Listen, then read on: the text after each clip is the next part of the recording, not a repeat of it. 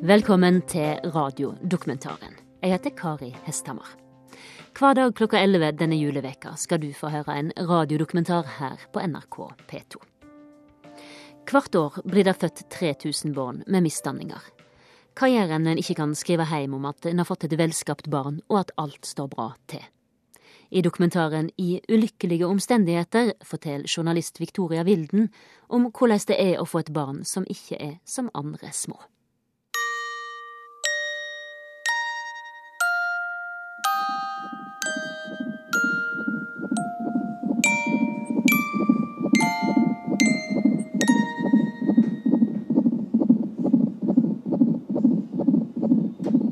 Legen fører ultralydapparatet over magen min. Det er tre måneder til termin, og jeg har fått hastetime på Ullevål. Det har blitt eh, oppdaget at jeg har et stoff i kroppen som kan skade hjertet til den lille jenta jeg har i magen. Alt er bra med hjertet, sier legen. Jeg smiler lettet. Men det er bare ett sekund mellom absolutt lykke og dyp fortvilelse.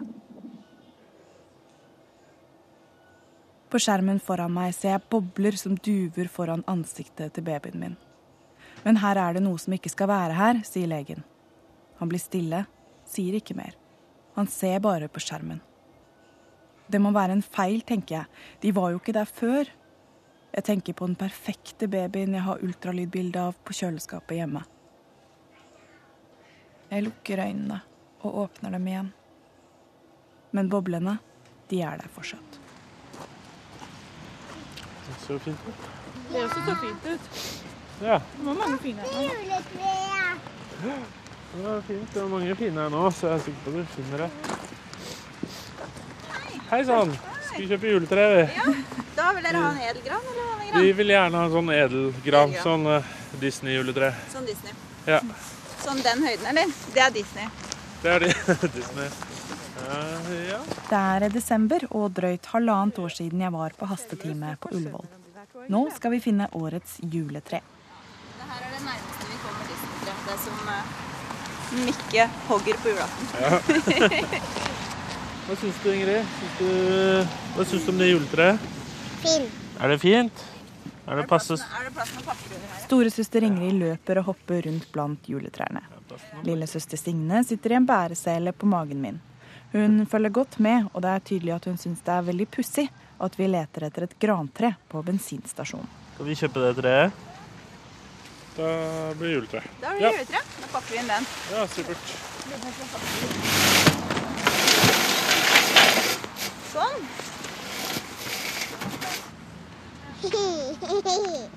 Jeg kan hjelpe dere å bære den, fordi at jeg, er- jeg er sterk som pip, jeg. Da må dere ha en riktig god jul, da. Jo, takk. Nå trenger en uke til å komme igjen. Ja, jeg husker at du ringte og sa at, at noe var galt, men at du ikke visste hva det var for noe. Eh, Men at det ikke var kreft. Mm. Det sank nok ikke helt inn akkurat da at det kunne være noe alvorlig, liksom. Det var mer sånn Ja, ja, jøss. Men du kunne si så lite også om, om hva det var. Det var, nevnte vel at det var syster eller svulster i halsen, men det er liksom de tingene du aldri har tenkt over, som, som plutselig oppstår på en eh, helt vanlig onsdag. Eh, Olav, kjæresten min og pappaen til jentene mine. Han er høy, har millimetersveis, og det er fra han jentene har sine store øyne med lange vipper. Han er journalist, og så studerer han juss. Han er den rasjonelle. Han som klarer å se hva som er viktig når det røyner på. Men så, så kom vi hjem senere på dagen, og, og da begynte man selvfølgelig ut fra de få opplysningene man hadde om at eh, Ja, barn i mors mage, syster eh, hals osv., og, så og putte dette inn i Google. Og da tror jeg det liksom slo meg at hvor alvorlig det kunne være. For det, det fins veldig mange diagnoser man aldri har eh, hørt om eller tenkt over. eh, på nettet. Inkludert eh, bilder av nyfødte med, med store svulster. Eh, man prøver liksom å linke opp de få opplysningene man har, og at det skal passe med noe man finner på, på nettet. Og det Og det viste jo mot eh, ikke minst syndromer, da, hvor det også var å regne med å få et barn som kanskje var mentalt tilbakestående også. Og det må jeg vel innrømme nok var min store skrekk.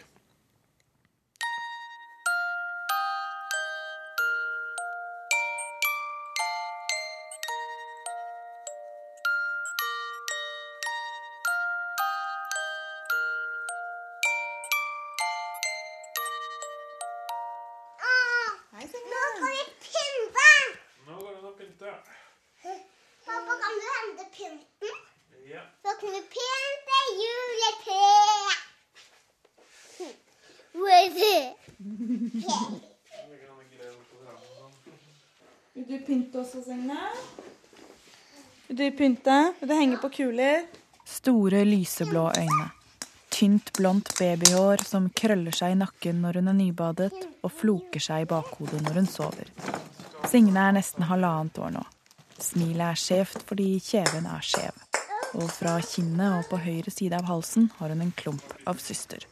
Signe, må la de henge de kulene som Ingrid har hengt opp. Men Ingrid, kanskje du kan hjelpe Signe litt og henge opp kuler? Tror hun syns det er litt vanskelig, skjønner du. Hun vil veldig gjerne. Storesøster Ingrid, drøyt tre og et halvt år. Akkurat bikket meteren. Tykt, mørkeblondt hår som er klippet i en lang bob. Og hun har store, kulerunde, brune øyne. Sånn, ja. Jeg er i gang, jeg. Vet du hva? Jeg er i gang. Ingrid henger kulene opp, Signe tar dem ned. Ingrid henger kulene høyere og høyere, sånn at den eh, litt irriterende lillesøsteren ikke skal ta dem ned igjen. Lille Signe skal på Rikshospitalet to dager før julaften. Der skal hun legges i narkose, og så skal legene sprøyte inn et stoff i systene slik at de skrumper inn. Hun har gjort dette en gang før. Da ble hun liggende på respirator et døgn etterpå. Etter to dager dro vi hjem, men måtte tilbake midt på natten fordi klumpen havnet opp og hun fikk problemer med å puste. For det er slettes ikke risikofritt å være liten pasient. Vi krysser nå fingrene for at det skal gå bra denne gangen, og at vi kan dra hjem på julaften for å feire med hele familien.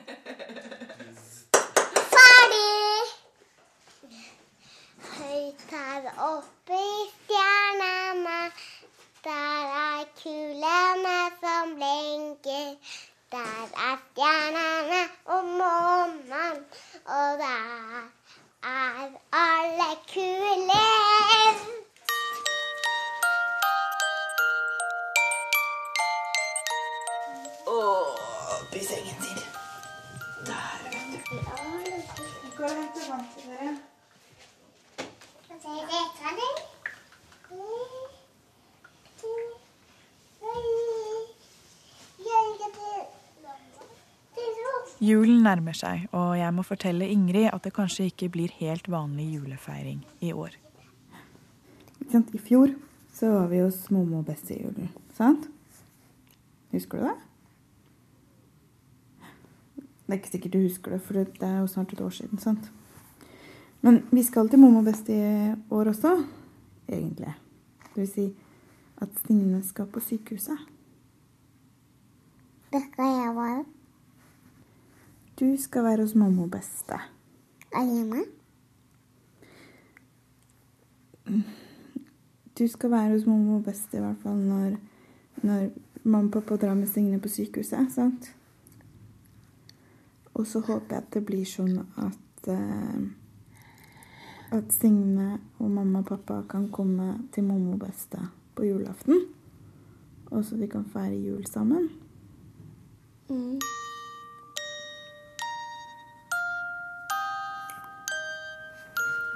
Når dere, når dere drar på sykehuset sammen med Signe, da sovner jeg dere. Men vi kommer jo hjem igjen. Og vi savner jo deg også når vi er på sykehuset. Vi savner dere.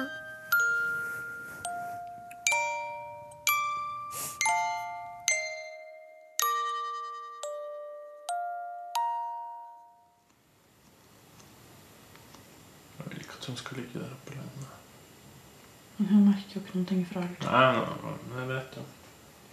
Men hva vi voksne gjør hvis eh, Signe fortsatt ligger på respirator på julaften, er ikke så lett å bli enige om. Men tror du ikke det er viktigere at vi er sammen med Ingrid? Mm, Det er bare noen du, timer. Du, ja, men du drar jo ned og er sammen med Ingrid.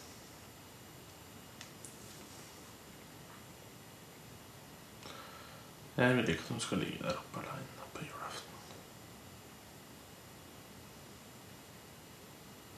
Sånn er det bare.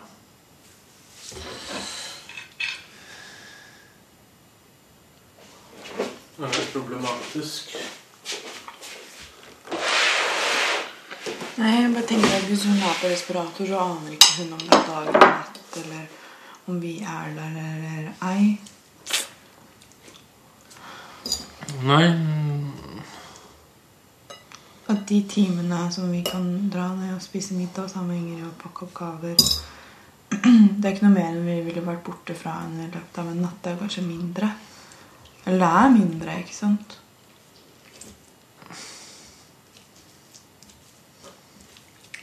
Kan jeg vurdere at vi spiser middag iallfall sammen med Ingrid? Begge to. Og så drar en av oss opp igjen etterpå.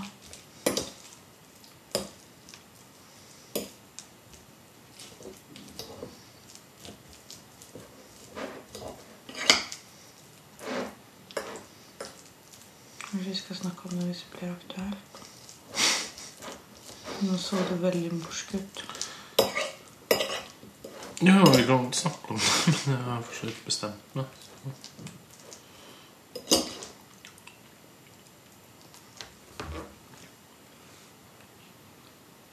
Det er viktig for meg at hun ikke ligger der. da, Helene. Kan jeg skjønner.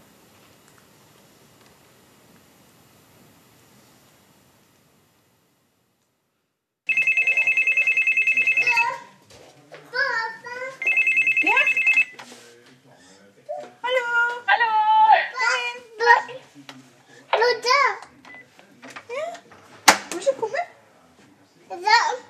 Lea? Frida og jeg jobbet sammen tidligere, og da vi fant ut at vi hadde termin omtrent samtidig, laget vi vår egen barselgruppe. Hei, Signe. Går det fint med deg? Tøffe jenta. Ja. Hei. Hyggelig å se deg. Hei, si. Det skulle vise seg at også lille Lea var litt annerledes enn andre barn. Altså, hun var litt skeiv på den ene sida. Litt sånn skeivt øye. Hun så ut som egentlig at det ene øyet alltid er litt sånn knipe igjen, da. Eh, Og da fikk vi beskjed om at, eh, at ja, hun har hatt seg en litt hard trøkk ut av magen. Så dette her kommer til å vokse seg til og gro seg til. Så det var ikke noe å bekymre seg over. Eh, Det sa jordmora. Og så når vi da kom inn på denne første legesøken et døgn etterpå, så var det da en eh, student, holdt jeg på å si, en turnuslege, som eh, brukte litt ekstra lang tid på Lea i forhold til de andre barna. Eh, og så stussa jeg litt på det, og jeg i litt den forsvarsposisjonen at ja, ja, men jeg er jo blitt klar over det at hun har hatt seg en liten sånn hard medfart på vei ut.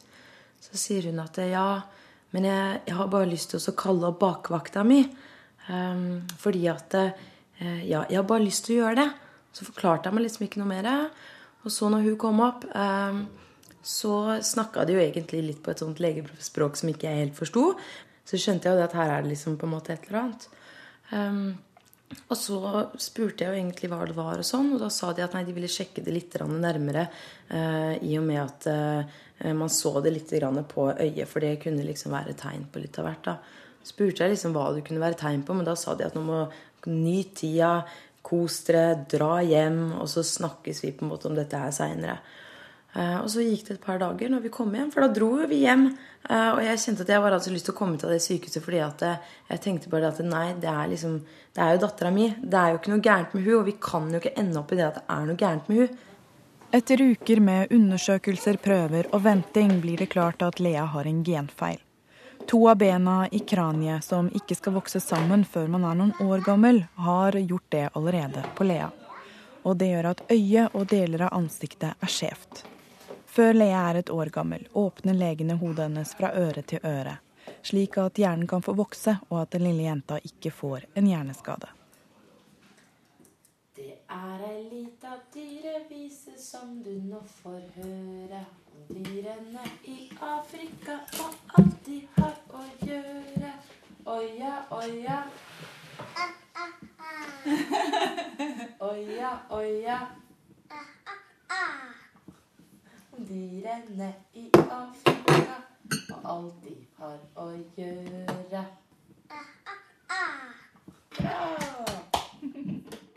Helt i begynnelsen så puttet jeg omtrent fingrene i øret og sa la, la, la, la, la, jeg håper det går vekk. Og så sa jeg til deg første dagen at jeg vil ikke snakke med noen om dette her. Mm. Og da kranglet vi. Ja, da kranglet vi. Da kranglet vi. Um, men jeg, jeg forsto vel ikke det Jeg forsto ikke hvorfor ikke det. Det, det tror jeg bare Jeg skjønte det rett og slett ikke. Um, og det har vel med også jeg eh, Jeg har en av familie også. De er, de er så vant til um, Ja, sy sykdom og død og problemer og, og slikt. At jeg visste at de kom til å ta det helt fint i forhold til oss og i forhold til Signe. Og tvilte jeg ikke på et sekund. At de ville ha full forståelse for det.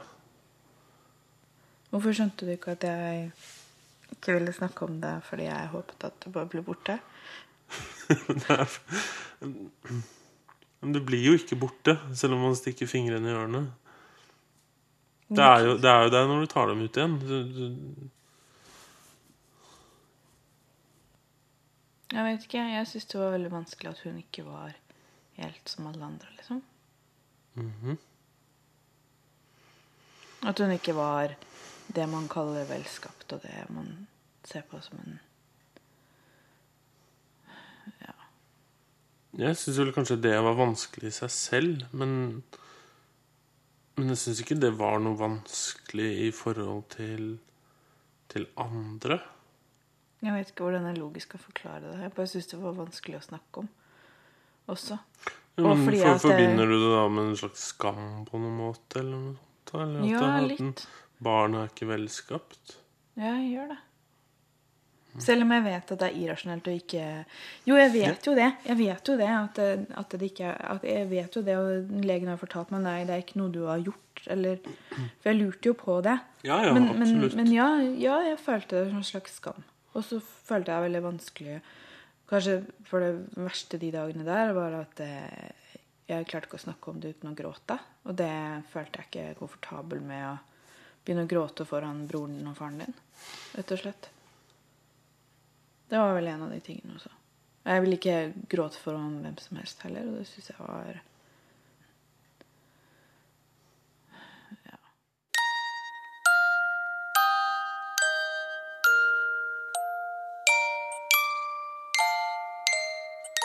Etter fire ukers usikkerhet, en feildiagnose og fortsatt gravid, blir jeg overført fra Ullevål til Rikshospitalet. Og vi får en ny diagnose. Lymfangiom. Syster i lymfesystemet. I Norge blir det født noen få barn med denne typen misdannelse hvert år. Jenta i magen har en klump av hundrevis av mikroskopiske og større syster under tungen og på halsen. Det blir ultralyd hver uke, og hver gang lurer vi på hvor mye klumpen har vokst. Har den blitt så stor at hun ikke klarer å puste når hun blir født, eller er den bare truende?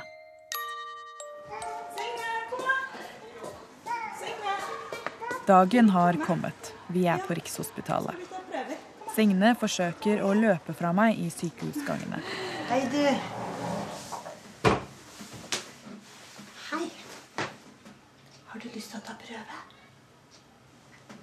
Skal vi ta et tillit på armen din aller, aller først? Jeg jeg vasket fingrene mine litt. Og så skal vi vaske armen din litt. Var det Signe du het? Mm, det veldig deilig. Og vi skal bare se forsiktig. Vi kjenner litt Å ja. Vi setter på en sånn liten sånn. Sånn morsom strikk. Hun er så liten, og det er ingen måte å forberede henne på det som skal skje. Men hun har vært på sykehus så mange ganger før, så jeg tror at hun vet hva som kommer. Lite stikk. Noen ganger så tenker jeg at jeg vil bare ta henne og dra. For er det egentlig så ille å gå rundt med en klump som henger fra kjeven og ned på halsen? Sånn egentlig?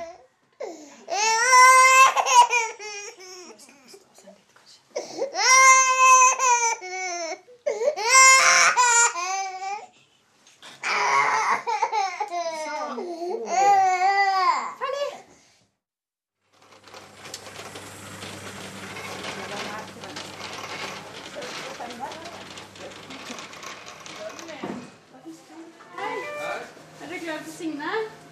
Ja. Ja? ja? Da er hun her i hvert fall. For øynene dine? Du ser litt sånn ut.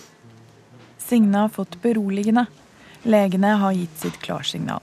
Blodprøvene er fine, allmenntilstanden er god. Det er ingen vei tilbake, og vi venter på at hun skal legges i narkose. Hallo. Går det bra? Litt slapp.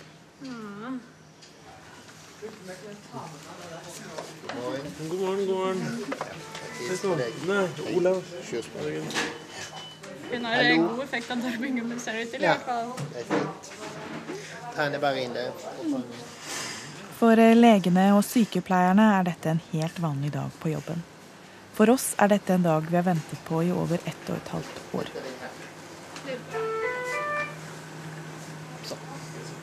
Ja.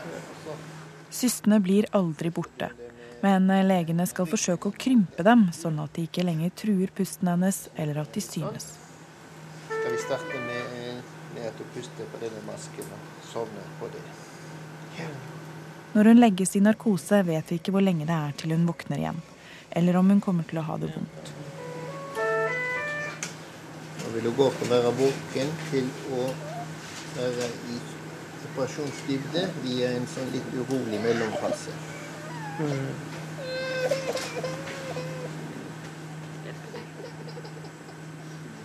Ja. Du får sove litt, Signe. Hun er en fattig.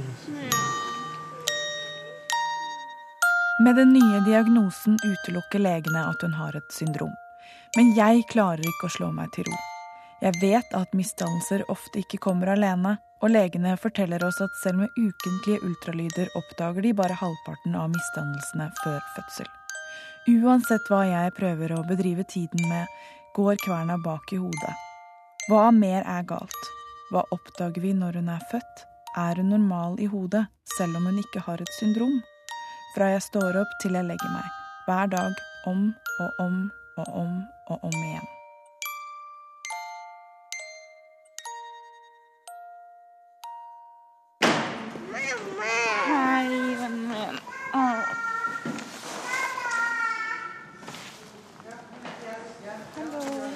Ingrid kommer på Rikshospitalet.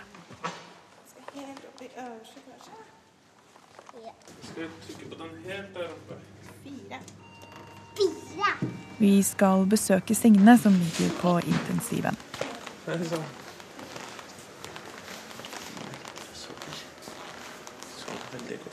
I en jernseng av sprinkler ligger hun i bare bleia. Ledninger går inn i armene, bena, luftrøret til respiratoren inn i nesen. Og hun har elektroder festet på overkroppen. Øynene er igjen. Leppene er blanke av et tykt lag med klissete leppepomade. Bak henne er det en vegg med maskiner som pumper medisin inn i den lille kroppen. Og som overvåker blodtrykk og oksygenopptak.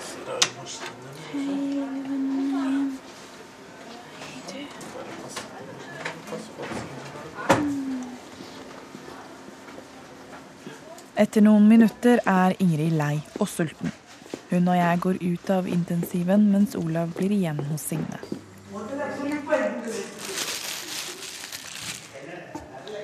Hvordan har du hatt hos mormor, da? Jeg savner dere. Jeg savna deg også, vennen min. Og jeg savna både deg og Signe og pappa. Ja. Jeg har ligget helt alene på et hotellrom i natt. Jeg håper vi snart kan være sammen alle fire igjen. Ja. Det er finest, det, er det ikke det? Mm. Du, i morgen er det julaften. Store julaften. Ja, store julaften. Og i dag er det lille julaften. Ja, i dag er det lille julaften. Da får jeg ingen pakker. Nei, ikke noen pakke på lille julaften.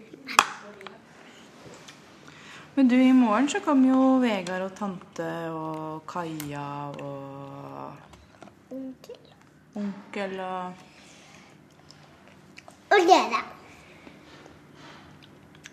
mm, Jeg håper at vi kommer. Oi. Vi vet ikke helt om Signe kan reise fra sykehuset ennå. Det vet vi ikke helt ennå, min.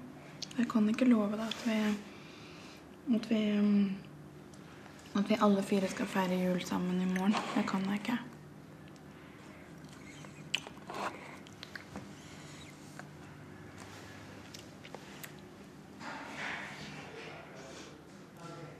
Jeg er glad i deg.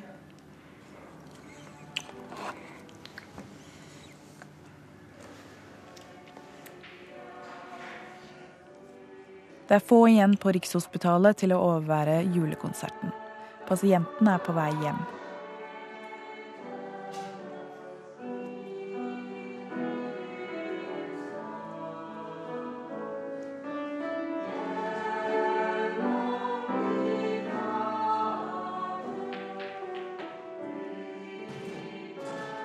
Det var mange drømmer og forestillinger om barn nummer to som døde den dagen på ultralydbenken.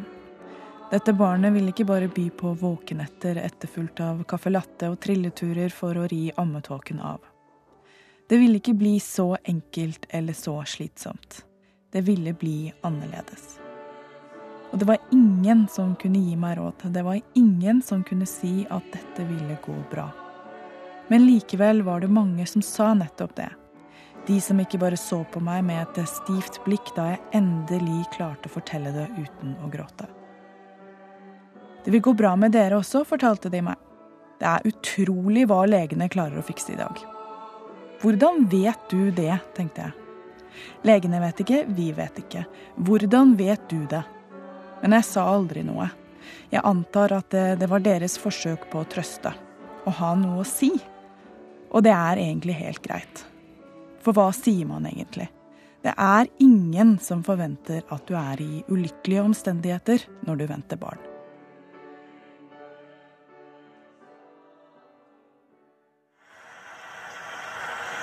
Jeg tror ikke hun er sikkert til bords om eh, tre timer. Signe ligger i armene mine. Vi har kommet oss ut av intensiven til et rom på barneposten. Men oksygenmasken måtte bli med.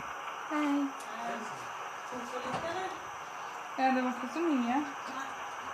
Jeg syns hun er veldig sløv. Ja, det er først nå hun liksom har begynt å ta litt Ja, nei, hun var veldig ivrig i går, men da var hun så kavete. Men nå syns jeg hun bare er sløv og slapp og helt sånn apatisk. Og hun ser så lite Så lite respons å få fra henne. Har nettopp snakka med, med legen som skal ha gjennom se på år. Det er bare timer til julen ringes inn, og vi må innse at vi ikke alle kommer hjem til jul.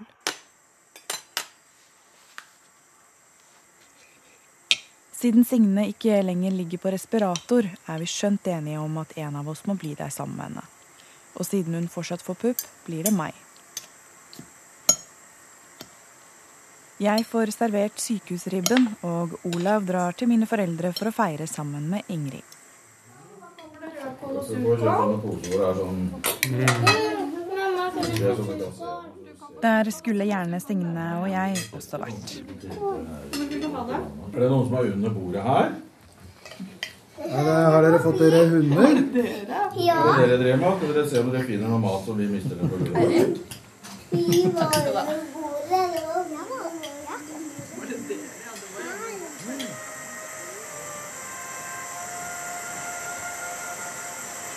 Hun har jo en kjempehøy infeksjonsprøve. Ja. Så han legen skulle komme ned og titte på litt og se på det røntgenbildet og sånn. Det er på 300. Ja. Oi.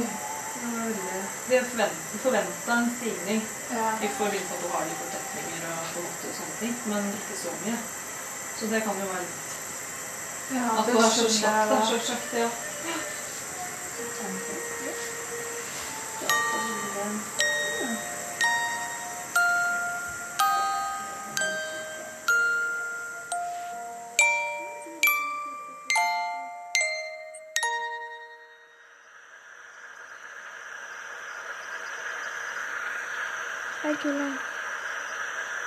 Hun spiser ikke, og hun drikker ikke. Hun sitter bare helt stille i sengen sin og stirrer ut i rommet. Jeg Skal være sammen med deg. Mamma skal ikke gå noe sted nå. Jeg skal være sammen med deg nå. Ja,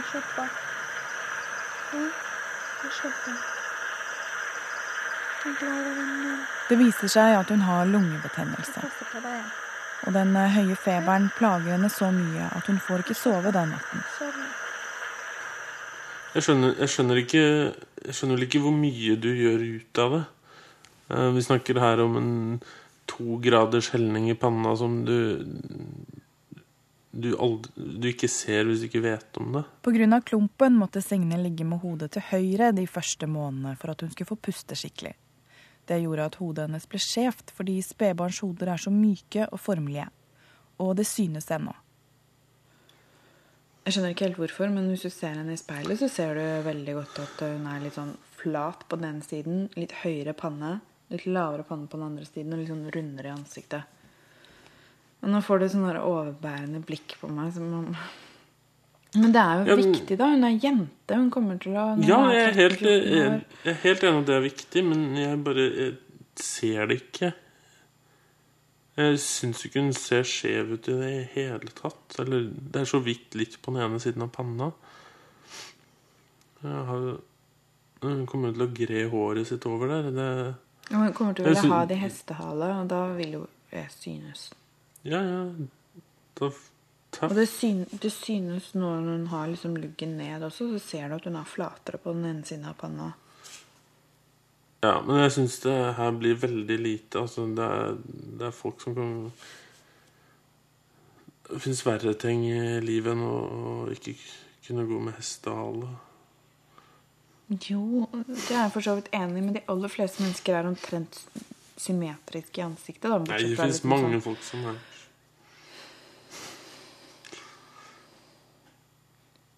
Jeg syns du tar veldig lett på det.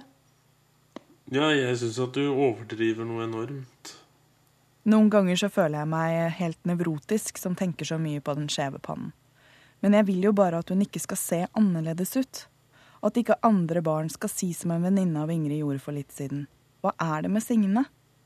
Det ser jeg skeivt. Det er jo, er jo de systene. Mm. Det er jo det som Hvis hun ikke hadde hatt de, så så hadde hun jo sett helt normal ut. Jeg kan ikke skjønne noe annet. jeg. Men jeg tenker at når, når de er borte, forhåpentligvis helt borte, så ser man kanskje enda bedre det andre som er skjevt.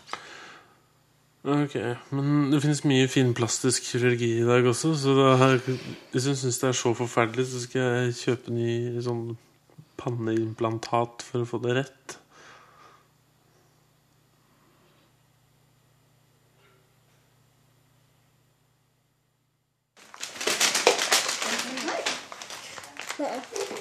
Jeg lurer på hva som er oppi. Etter en uke på sykehuset reiser vi hjem med antibiotika og febernedsettende i bagasjen.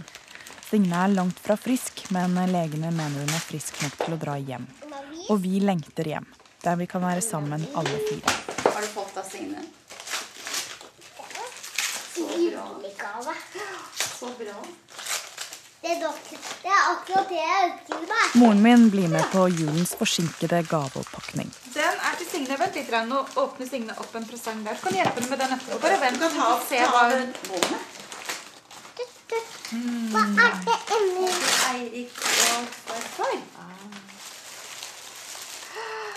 Hva er det for noe, Signe?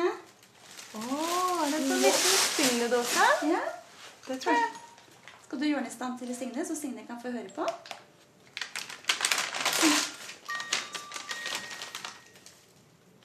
Se hva du fikk, Signe.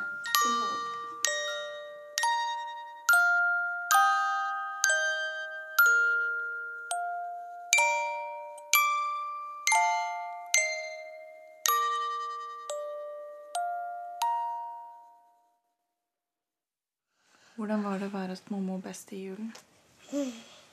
Bra. Bra, ja. Pappa kom. Pappa kom. Pappa kom på julaften, ja. Ja Pappa kom. Skjønte du hvorfor jeg måtte være hos Signe? Jeg vet ikke hvorfor. Signe var så syk at hun kunne ikke dra fra sykehuset. Hun fikk ikke lov. Hvorfor ikke? Hun var så syk at hun kunne ikke få lov å dra fra sykehuset. Mm. Doktorene ville ikke la henne dra. Det er alltid en risiko forbundet med inngrep, og det at hun må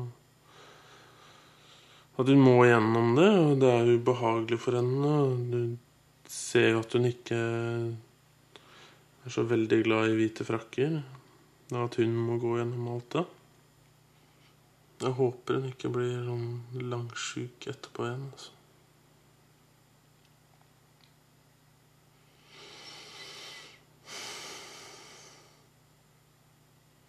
Altså, jo eldre hun blir, jo mer skjønner hun jo hva det er som foregår. Jeg tror ikke det blir noe lettere, og jeg tror jo ikke det var innbilning heller, altså, men øh, det var en Det var et par dager på sykehuset der som liksom Omtrent så på oss med sånn øh, Hvorfor gjør dere dette mot meg, liksom? Mm. Jeg tenkte på det, jeg også. Jeg lurte på om det var det, eller om hun bare var mm, Var syk. Ja, det er mulig, det. Men jeg fikk nesten litt sånn inntrykk av det ut fra hvordan hun oppførte seg. Hvordan tenker du at hun oppførte seg? Nei, hun var plutselig litt avvisende og så Så på meg med noe anklagende blikk.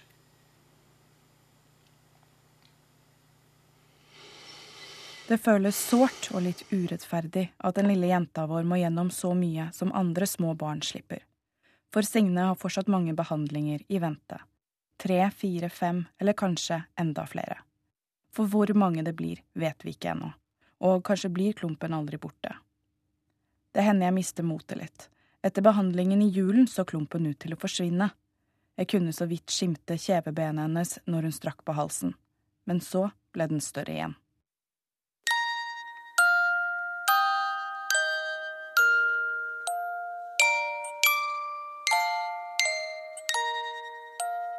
Klokken 8.42 mandag morgen 5. juli 2010 på en av Rikshospitalets operasjonsstuer kommer hun til verden.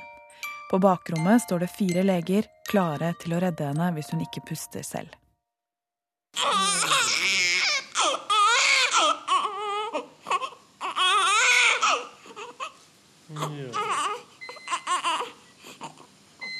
Olav foreviger de første minuttene av livet hennes på videokameraet vårt. Sakte slipper angsten for det som kunne gå så galt, taket, og lykkerusen siger innover oss. Hun er her, hun puster selv, og hun er nydelig.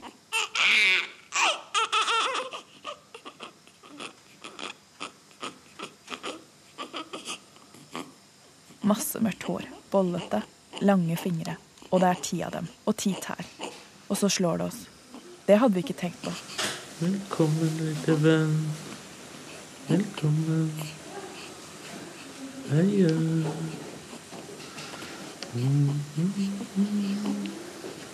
Vi hadde ikke tenkt på hvordan hun ville være, hvordan hun ville se ut, hvem hun ville ligne på.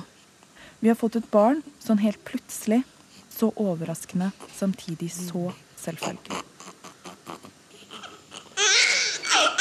3774 hver. Godt. Nå kan du gå hjem. Ja. Ja, så hva gjorde vi da hun ble født? Vi tok et bilde, tett nok på ansiktet slik at klumpen ikke var synlig, og så skrev vi.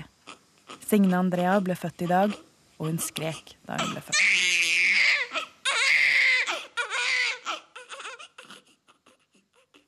Er du mammas lille, søte jente? Ja. Kan du kose mamma? Mm. Mm. Jeg er glad i deg, jenta mi. wow! Og når jeg ser på henne nå, så undrer jeg. Hva når hun blir større? Hvordan vil hun takle å være annerledes?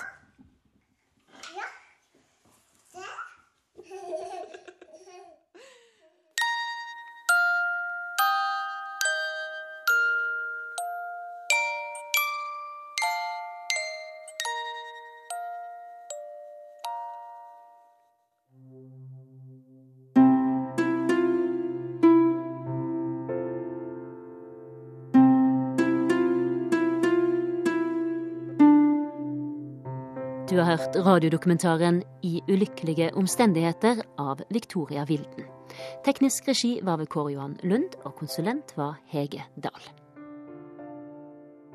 I morgen til samme tid så sender vi radiodokumentaren Inn i varmen drømmen om det normale liv. Etter sju år på metadon drømmer Lena og Per om å leve et helt vanlig A4-liv. De kjøper et stort hus på Finnskogen, og nå er det klart for første jul i eget hus. Da må blant annet pepperkakehuset opp og stå.